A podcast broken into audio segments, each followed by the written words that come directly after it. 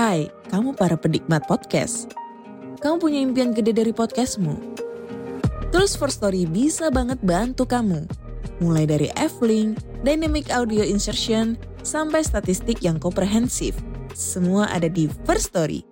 Gak ketinggalan kamu bisa monetisasi podcastmu lewat iklan dari First Story Ads yang bisa kasih kamu penghasilan dari setiap place podcastmu. Yuk gabung sekarang dengan klik di firststory.me. Sekali lagi, klik di firststory.me. Mari kita bawa mimpi podcastingmu menjadi kenyataan.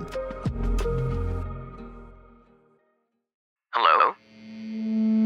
Hello? Podcast Network Asia. Network Asia.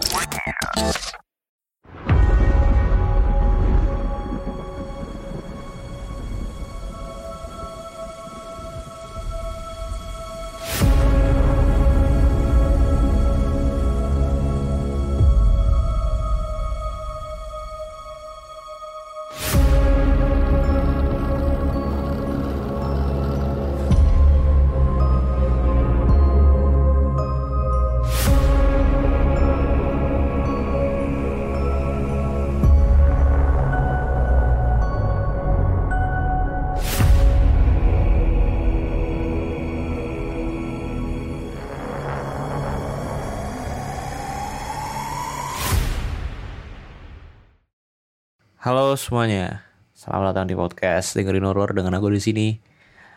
Iksan yang bakalan nemenin kalian selama kurang lebih 15 hingga 30 menit ke depan. Gimana teman-teman? Selamat pagi, selamat sore, selamat siang, selamat malam buat semua pendengar podcast dengerin horor di mana pun kalian, bagaimanapun keadaan kalian, semoga diberi kelancaran dalam melaksanakan segala aktivitasnya. So, um, aku mengucapkan terima kasih buat teman-teman yang sampai sekarang masih setia mendengarkan podcast, dengerin horor dan mau mengucapkan selamat datang juga buat para followers-followers baru karena akhir-akhir ini kita mendapatkan followers baru yang lumayan signifikan. Semoga kalian betah di sini. Ya, pokoknya harus betah dah ya. Pokoknya kita upload setiap hari Kamis jam 6 atau jam 7 malam gitu. Oke. Dan setelah gue lihat-lihat, basically yang dengerin podcast ini tuh um, rata-ratanya 18 sampai 22 tahun dan 30 hingga 35 tahun. Yang aktif buat dengerin tuh biasanya umur 30 sampai 35 tahun. Mereka mereka ibu-ibu yang atau bapak-bapak yang kayak single mom atau mungkin ibu-ibu di luar sana yang di rumah aja gitu kan yang sambil dengerin podcast. Halo ibu, makasih ya bu udah dengerin. Semoga bisa sebagai teman buat mengurus anaknya, mengurus di rumah gitu kan, lagi di rumah. Oke, okay. kali ini kita bakalan bacain cerita horor lagi tentunya ya. Ini berkaitan dengan sebuah nasihat ya. Atau bahasa Sundanya, Sundanya adalah pitutur atau nasihat. Gue belum research lebih ya, tapi kayak pitutur ini bahasa Sunda kali ya. Soalnya gue punya teman Sunda kayak pitutur ini kayak bahasa Sunda. Kalau gue salah, tolong dibenerin, oke? Okay? Dan kita bakal mulai. Tapi sebelum gue mulai, um, gue mau ngasih tahu. Jadi selama tiga bulan ke belakang ini kayak gue jarang nih buat dengerin cerita dari pendengar gitu kan. Jadi selama ini gue bacainnya dari Twitter doang nih. Jadi buat teman-teman pendengar podcast dengerin horor, kalau kalian punya cerita horor yang menarik atau yang layak buat disampaikan ke pendengar-pendengar lainnya, kalian bisa buat submit ceritanya melalui form yang aku kasih di link deskripsi podcast ini. Nanti kalian isi aja nama kalian, um, base itu username sosial media kalian. Nanti soalnya bakal aku mention di deskripsi episode gitu kan. Terus cerita kalian, baik itu bisa bisa lewat um, media tulisan atau lewat suara. Aku open aja. Itu bakal aku sortir nanti yang paling mantep, yang paling buat asik diceritakan nanti bakal aku ceritakan. Oke teman-teman. Soalnya ini terkait dengan episode kita dengerin horor. Alright. So kita awal mulai. Ini adalah cerita dari tweet akun Twitter Payung Hitam. Triple satu nol satu satu nol satu yang berjudul Pitutur atau Nasihat. Halo semuanya, nama aku Galuh. Aku punya dendam dengan kakak kandungku sendiri. Dendamku didukung kuat oleh suamiku sendiri yang aku sudah nikahi sekitar 8 tahun yang lalu. Cerita mundur di umurku yang masih 15 tahun pada tahun 2010 Saat itu pulang sekolah Aku langsung nyusul ibu ke pasar Karena dia jual ikan-ikan segar di sana Sekolahku jaraknya nggak terlalu jauh, tapi kalau jalan kaki bisa sampai 15 menit baru sampai. Aku biasa bantu ibu jualan di pasar karena aku nggak tega lihat ibu yang umurnya sudah hampir 60 tahun tapi masih sibuk sendirian. Bapak cuma tukang beca, jadi beliau nggak bisa selalu bantuin ibu jualan. Pasar biasanya tutup jam 2 siang untuk berdagang ikan. Tutup karena habis atau ikan bisa jadi gak segar karena dari subuh sudah digelar di meja pasar. Kemudian aku pulang sekolah jam 12 siang. Jadi masih ada waktu 2 jam untuk bantu ibu untuk bantu ibu beres-beres. Dan sorry teman-teman ternyata gue baru inget pitutur itu bukan bahasa Sunda tapi lebih ke arah bahasa Jawa ke timur sana Jawa Tengah sana eh sorry ya teman-teman ya ini bahasa Jawa sebenarnya bukan bahasa Sunda oke kita lanjut jadi tadi si Galuh ini punya waktu dua jam untuk bantu ibunya beres-beres kadang aku sampai di pasar dagangan ibu tuh belum habis jadi kami harus store ikan ke pedagang keliling Hari-hari kegiatanku begini. Terasa aku anak semata wayang, padahal aku punya kakak laki-laki yang harusnya lebih bertanggung jawab. Suatu sore, waktu aku baru pulang dari pasar, aku lihat ada seorang perempuan duduk di teras rumahku. Aku menebak-nebak siapa tamu ini. Nuhun mbak, cari siapa ya? Tanya aku. Lagi nungguin Mas Gamya. Galuh ya? Kata perempuan itu. Ji mbak, masuk mbak. Tunggu di dalam yuk. Ajak aku ke perempuan itu. Terus perempuan itu menolak dengan sopan. Ngerepotin ah. Duduk di sini aja kata dia gitu. Ya udah mbak, aku masuk dulu ya, mau beres-beres. Gak enak nih bau amis. Mari mbak. Pamit aku ke perempuan itu sambil sedikit menunduk. Karena aku selalu diajarkan ibu harus tunduk kepala ke orang yang lebih tua. Mari, kata perempuan itu. Aku lihat di depan kamar belakang Mas Gamya sedang siap-siap memakai tali sepatunya, sisiran, menyemprotkan banyak parfum. Aku tebak dia mau pergi sama perempuan tadi di teras. Disusul Mas Gamnya yang datang manasin motor RX Kingnya. Setelah itu naiklah perempuan itu ke atas motor dan pamit sama ibu. Ibu masuk dengan membawa tampah bekas dagangan. Itu siapa mbok? Tanya aku ke mbok. Mbok ini ibunya maksudnya ya. Koncone masmu, Ayu ya. Kawannya kakak kamu, Cantik ya, kata ibu. Iya, siapa namanya bu? Tanya aku lagi. Novi, jawab ibunya sambil senyum-senyum. Aku tebak lagi kayaknya ibu seneng sama perempuan itu. Karena pertama kalinya Mas Gamya ajak perempuan ke rumah. Sebetulnya ibu sering khawatir dengan Mas Gamya Baru tahun kemarin ia lulus SMA, tapi sampai sekarang belum ada pekerjaan. Dan sudah gandeng perempuan aja. Tapi setidaknya ibu melihat peluang di sini. Kalau Mas Gamia ada kemauan untuk berkembang. Ibu sepertinya banyak berharap pada aku untuk segala hal karena Mas Gamia bukan orang yang banyak bicara, sikapnya selalu dingin, suka melawan dan banyak melamun. Aku sering kali kedatangan teman ke rumah, biasanya untuk kerja kelompok, karena aku memang anak SMK yang rata-rata tugasnya harus berkelompok. Kali ini aku dapat kelompok yang satu anggotanya nggak pernah sekelompok sama aku, jadi aku seperti baru kenal dengan dia. Sebut saja namanya Yoyo. Lagi asik kerja kelompok di teras, aku ngelihat Yoyo mengintip ke dalam rumahku. Di jendela kayuku memang tanpa kaca, cuma dilapisi kain tirai. Karena aku merasa risih, aku mencoba buat negur Yoyo. Tapi Yoyo nampak kaget. Sedikit pucat, tapi langsung meminta maaf karena sudah lancang. Aku juga jadi gak enak sudah ngagetin dia. Tapi semenjak itu, Yoyo jadi beda. Tiap kali kami mau kerja kelompok, dia selalu nolak kalau lokasinya di rumahku. Oh, kirain. Kirain Yoyo Yoyo jadi gak enak ya.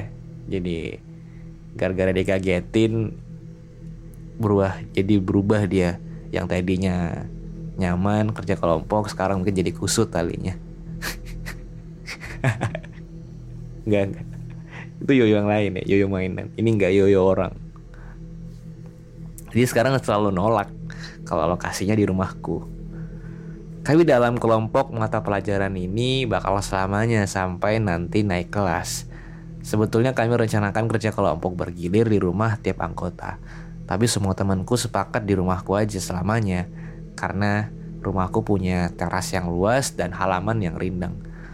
Widih, keren banget nih konsepnya. Kelompoknya, kelompok mata pelajarannya sampai selesai. Sampai selamanya, gile.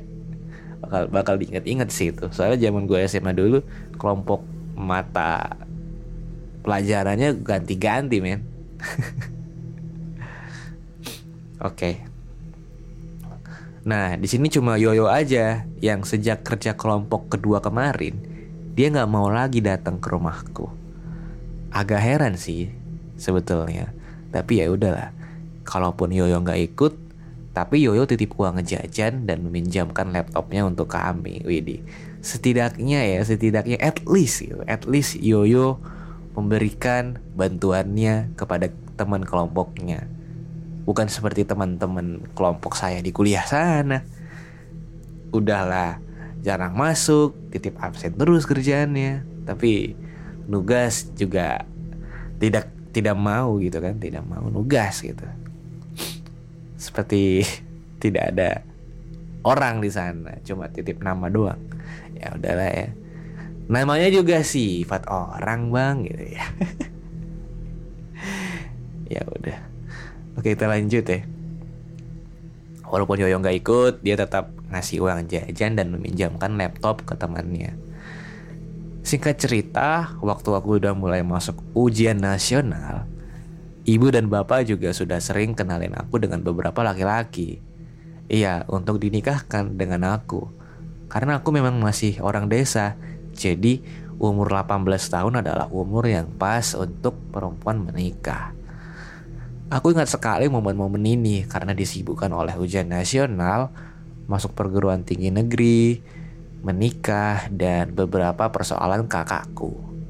Di malam yang tenang itu, Bapak nyuruh aku ke bangunan sebelah yang biasa kami buat untuk meletakkan padi dan hasil tani untuk ngambil kentang. Aku berangkat, akhirnya cuma ditemani lampu senter kecil. Menyusuri jalan setapak kira-kira 60 meter dari rumahku ke bangunan itu dan di tengah jalan aku nengok ke belakang.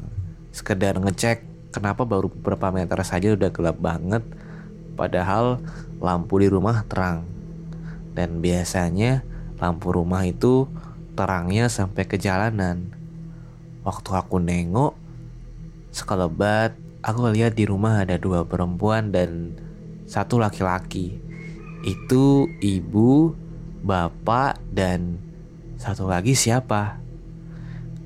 Aku sempat mikir, kapan ada orang masuk? Perasaan jalan ke pintu depan cuma satu. Ah, tapi biarinlah. Mungkin itu kawan mbok atau bapak yang lagi mampir. Sampai di dekat bangunan itu, aku ngelihat ada seperti anjing yang di dekat tangga bangunannya.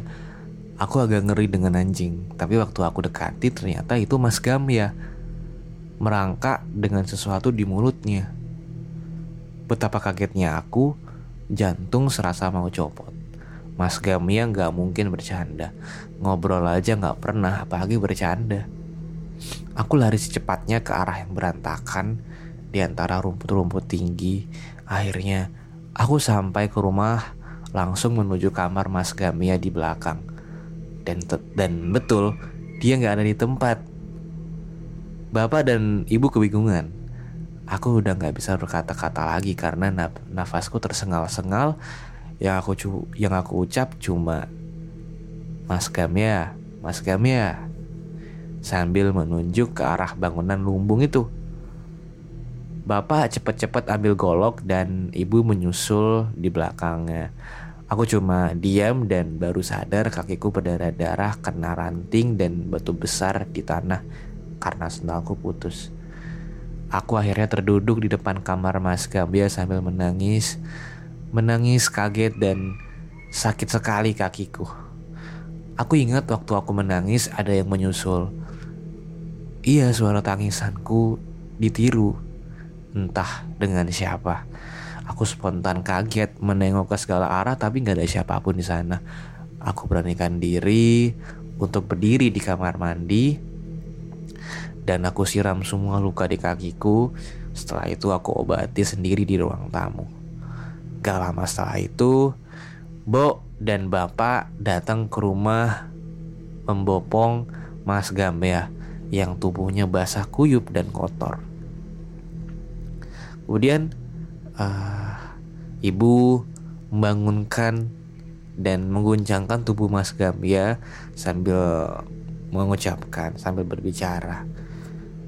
Kok bisa-bisanya sih nak? Bangun nak, bangun. Ini ibu loh. Yang tubuh Mas Gamya tatapannya kosong. Sedang melotot ke arahku. Sementara bapak sibuk melepas pakaiannya dan membersihkan tubuh Mas Gamya, aku cuma ketakutan di hadapan Mas Gamya. Ia seperti orang mau memangsa. Setelah Mas Gamya selesai, Bo merebahkannya di ruang tamu, lalu lanjut mengobati kakiku. Kamu lihat apa, Dok, tadi? Tanya ibu. Aku jadi enggan banyak bicara. Aku bingung apa yang terjadi, jadi aku diam aja. Ya udah kamu tidur sana. Biar besok sudah sembuh lukanya. Ibu masih suka bohongin aku layaknya anak kecil Aku suka sekali waktu ibu selalu berusaha nenangin aku. Walaupun aku tahu lukanya gak bakal sembuh besok, tapi aku tenang. At least aku tenang Ibu adalah orang yang sangat mencintai anak-anaknya. Walaupun Mas Gamil selalu melawan, tidak tanggung-tanggung, biasanya Mas Gamil suka main fisik terutama sama ibu. Kalau sama bapak atau di depan bapak, dia nggak berani karena selalu diancam dilaporkan ke polisi. Sama juga dengan aku, dia juga suka kasar, sesekali suka mengambil hakku tanpa izin. Aku pernah dulu berani melawan, tapi aku ditampar keras sampai terpelanting ke belakang. Semenjak itu aku selalu dingin dengan dia. Lanjut, aku jalan menuju kamar. Lalu bapak bilang, jangan lupa berdoa sambil sebelum tidur. Aku cuma mengangguk. Dalam tidur aku mimpi. Aku lupa dengan mimpinya. Intinya, aku terbangun kaget, badanku menggigil dan lidahku terasa hambar.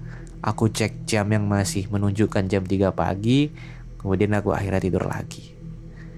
Di waktu aku berusaha tidur, Samar-samar aku mendengar suara laki-laki dari kejauhan. Galuh, Galuh, Gal, yang memanggil nama aku.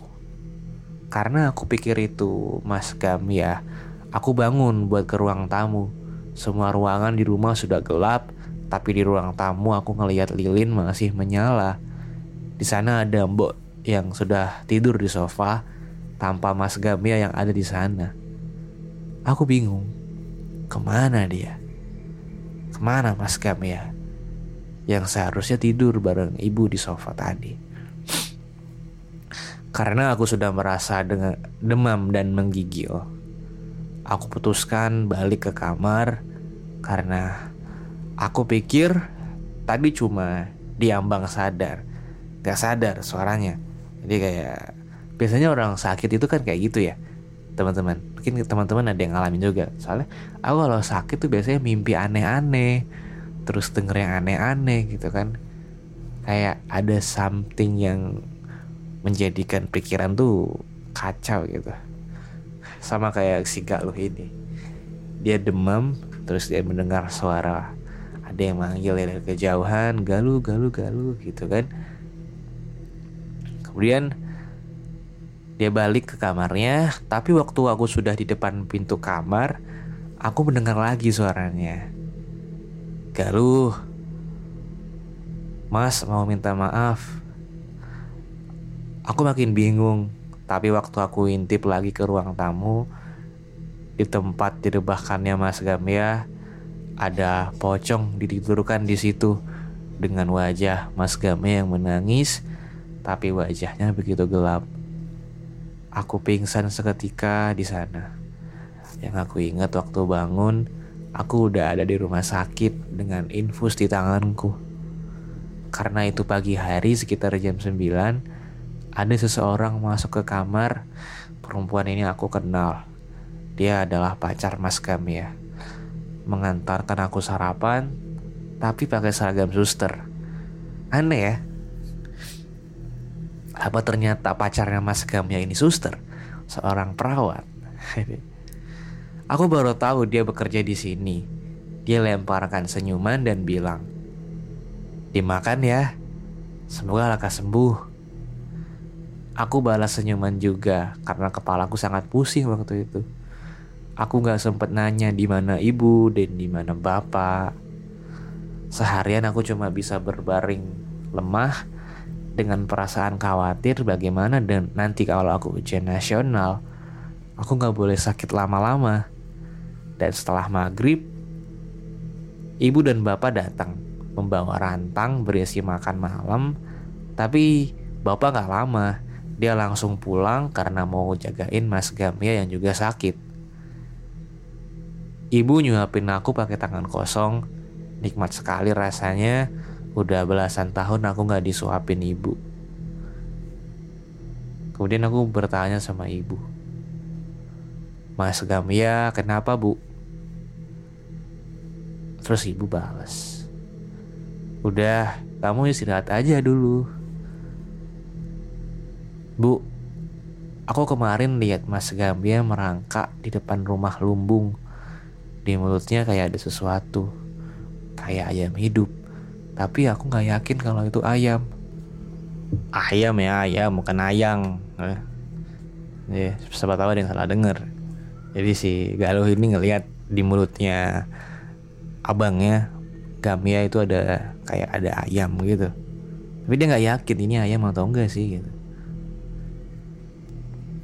Kemudian setelah aku ber, setelah aku menceritakan itu ke ibu, ibu berhenti menyuapin ke aku langsung ngasih air putih. Ibu udah banyak kecewa sama kakak kamu semenjak SMP nggak pernah mau dengerin ibu lagi. Apalagi bapak, dia sering kali membantah ibu. Tapi ibu berusaha berpikir juga kalau generasi Mas Gamya dan kamu nggak bisa disamakan sama ibu. Ibu gak cerita ke kamu sengaja supaya kamu bisa fokus sekolah. Bapak juga dia udah capek kerja, jadi nggak mau tambah capek kalau di rumah. Jadi nggak pernah curhat ke kamu soal masalah di rumah. Sebetulnya sudah dua tahun ini kita krisis, Du. Harusnya kita nggak krisis karena kakakmu udah dapat kerja. Tapi ini bapak jadi double kerjanya. Ngebeca dan kuli panggul pasar. Kasihan bapak. Jelas ibu ke aku. Terpukul rasanya aku belum bisa bantu apa pun. Dan marah juga dengan Mas Gamya. Kemudian ibu mengucapkan sesuatu lagi sama Galuh sambil terisak. Kakakmu semakin beda sikapnya. Setelah kenal sama Novi, ibu udah minta tolong Novi untuk bantu nasehatin Gamia. Tapi Gamia cuma berubah untuk Novi, bukan untuk kita. Kita doakan aja untuk Mas Gamia sekarang, Bu, supaya lebih ingat sama kita, terutama ibu dan bapak, kata aku sambil menenangkan ibu. Besok siangnya aku pulang ke rumah karena keadaan sudah membaik dan orang tuaku nggak bisa bayar untuk hari selanjutnya. Jadi aku di rumah sakit dua hari satu malam aja. Di saat sore menjelang maghrib, aku lihat Mas Gambia juga yang udah seger dan kembali gagah sedang siap-siap mau pergi. Mau ke mana mas? Tanya aku basa-basi. Cari duit tuh, disuruh ibumu. Jawabnya kutus dengan ketus. Oh, ya udah, hati-hati mas. Kata-kataku sambil pegang tangannya karena aku mau salim. Tapi kagetnya aku, tangannya panas banget. Dan kemudian langsung aku lemparkan aja tangannya. Kemudian Mas Gambia membentakku. Kalau geli sama aku mending gak usah kenal aku aja, kata Mas Gambia. Kemudian aku dikagetkan suara benda jatuh di belakang rumah. Aku spontan melihat ke arah belakang.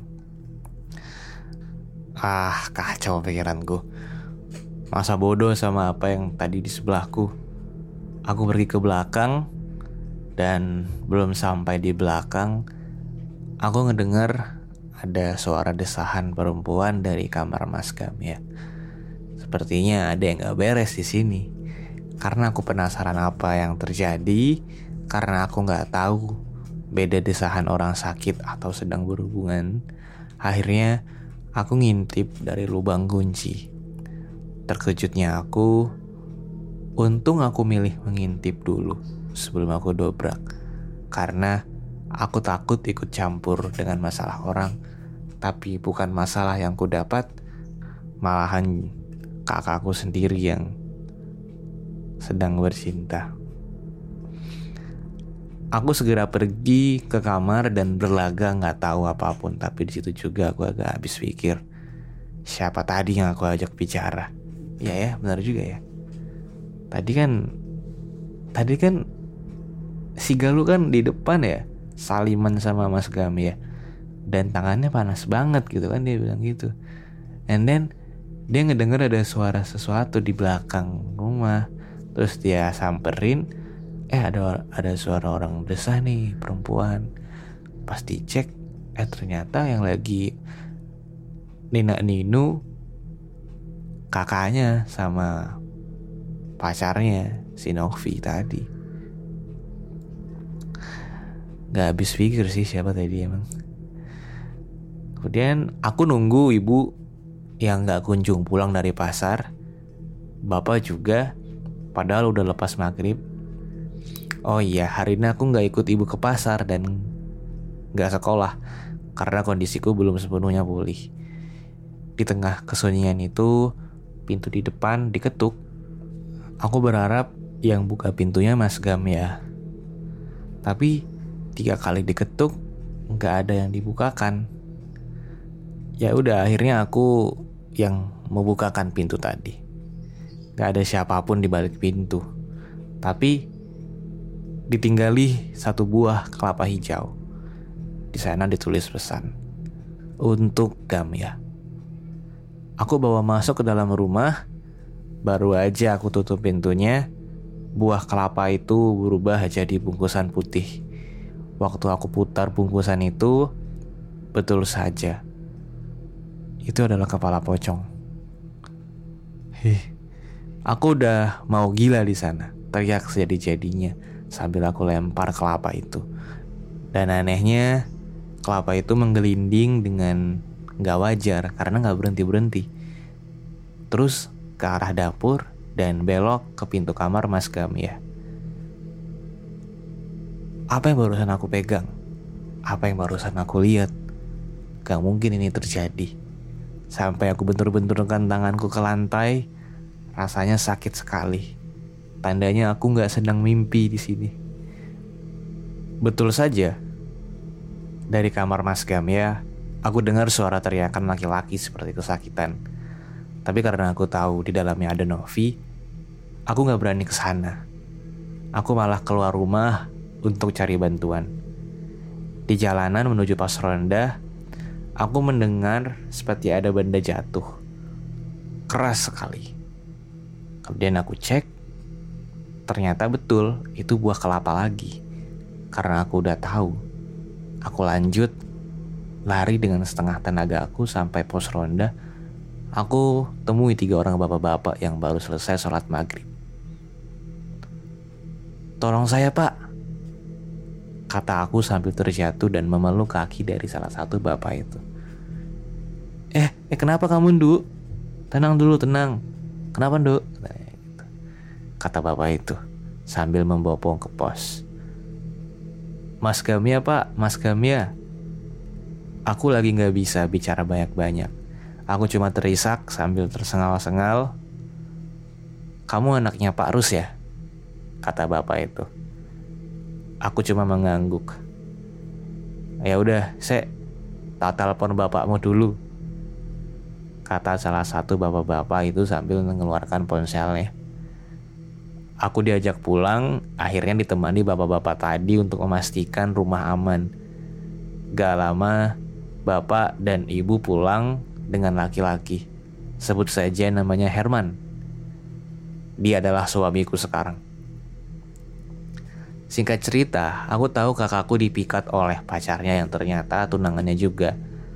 Tapi tanpa sepengetahuan keluargaku. Kami tahu itu karena Mas Hendra adalah rekan kerja dari pacar Mas kami ya. Aku bingung kenapa dia harus tunangan diam-diam. Kenapa nggak izin aja? Lagian bokku udah setuju setauku. Tapi ternyata tidak. Mbok begitu nggak setuju dengan Novi karena walaupun ia sopan santun, murah senyum, tapi hatinya serakah. Mas Herman tahu semua ini setelah beberapa kali memergoki Novi jalan dengan laki-laki lain. Sedangkan kakakku, Mas Gamia, sering ke rumah sakit sekedar mengantarkan Novi bakso kesukaannya. Mas Herman mengamati semuanya karena dia bertugas mengontrol segala kegiatan perawat di rumah sakit. Sesekali Mas Herman menegur Mas Gamia supaya tidak terlalu sering ke rumah sakit untuk melihat Novi. Tapi Mas Gamia justru mengolok-olok Mas Herman sampai pernah baku hantam.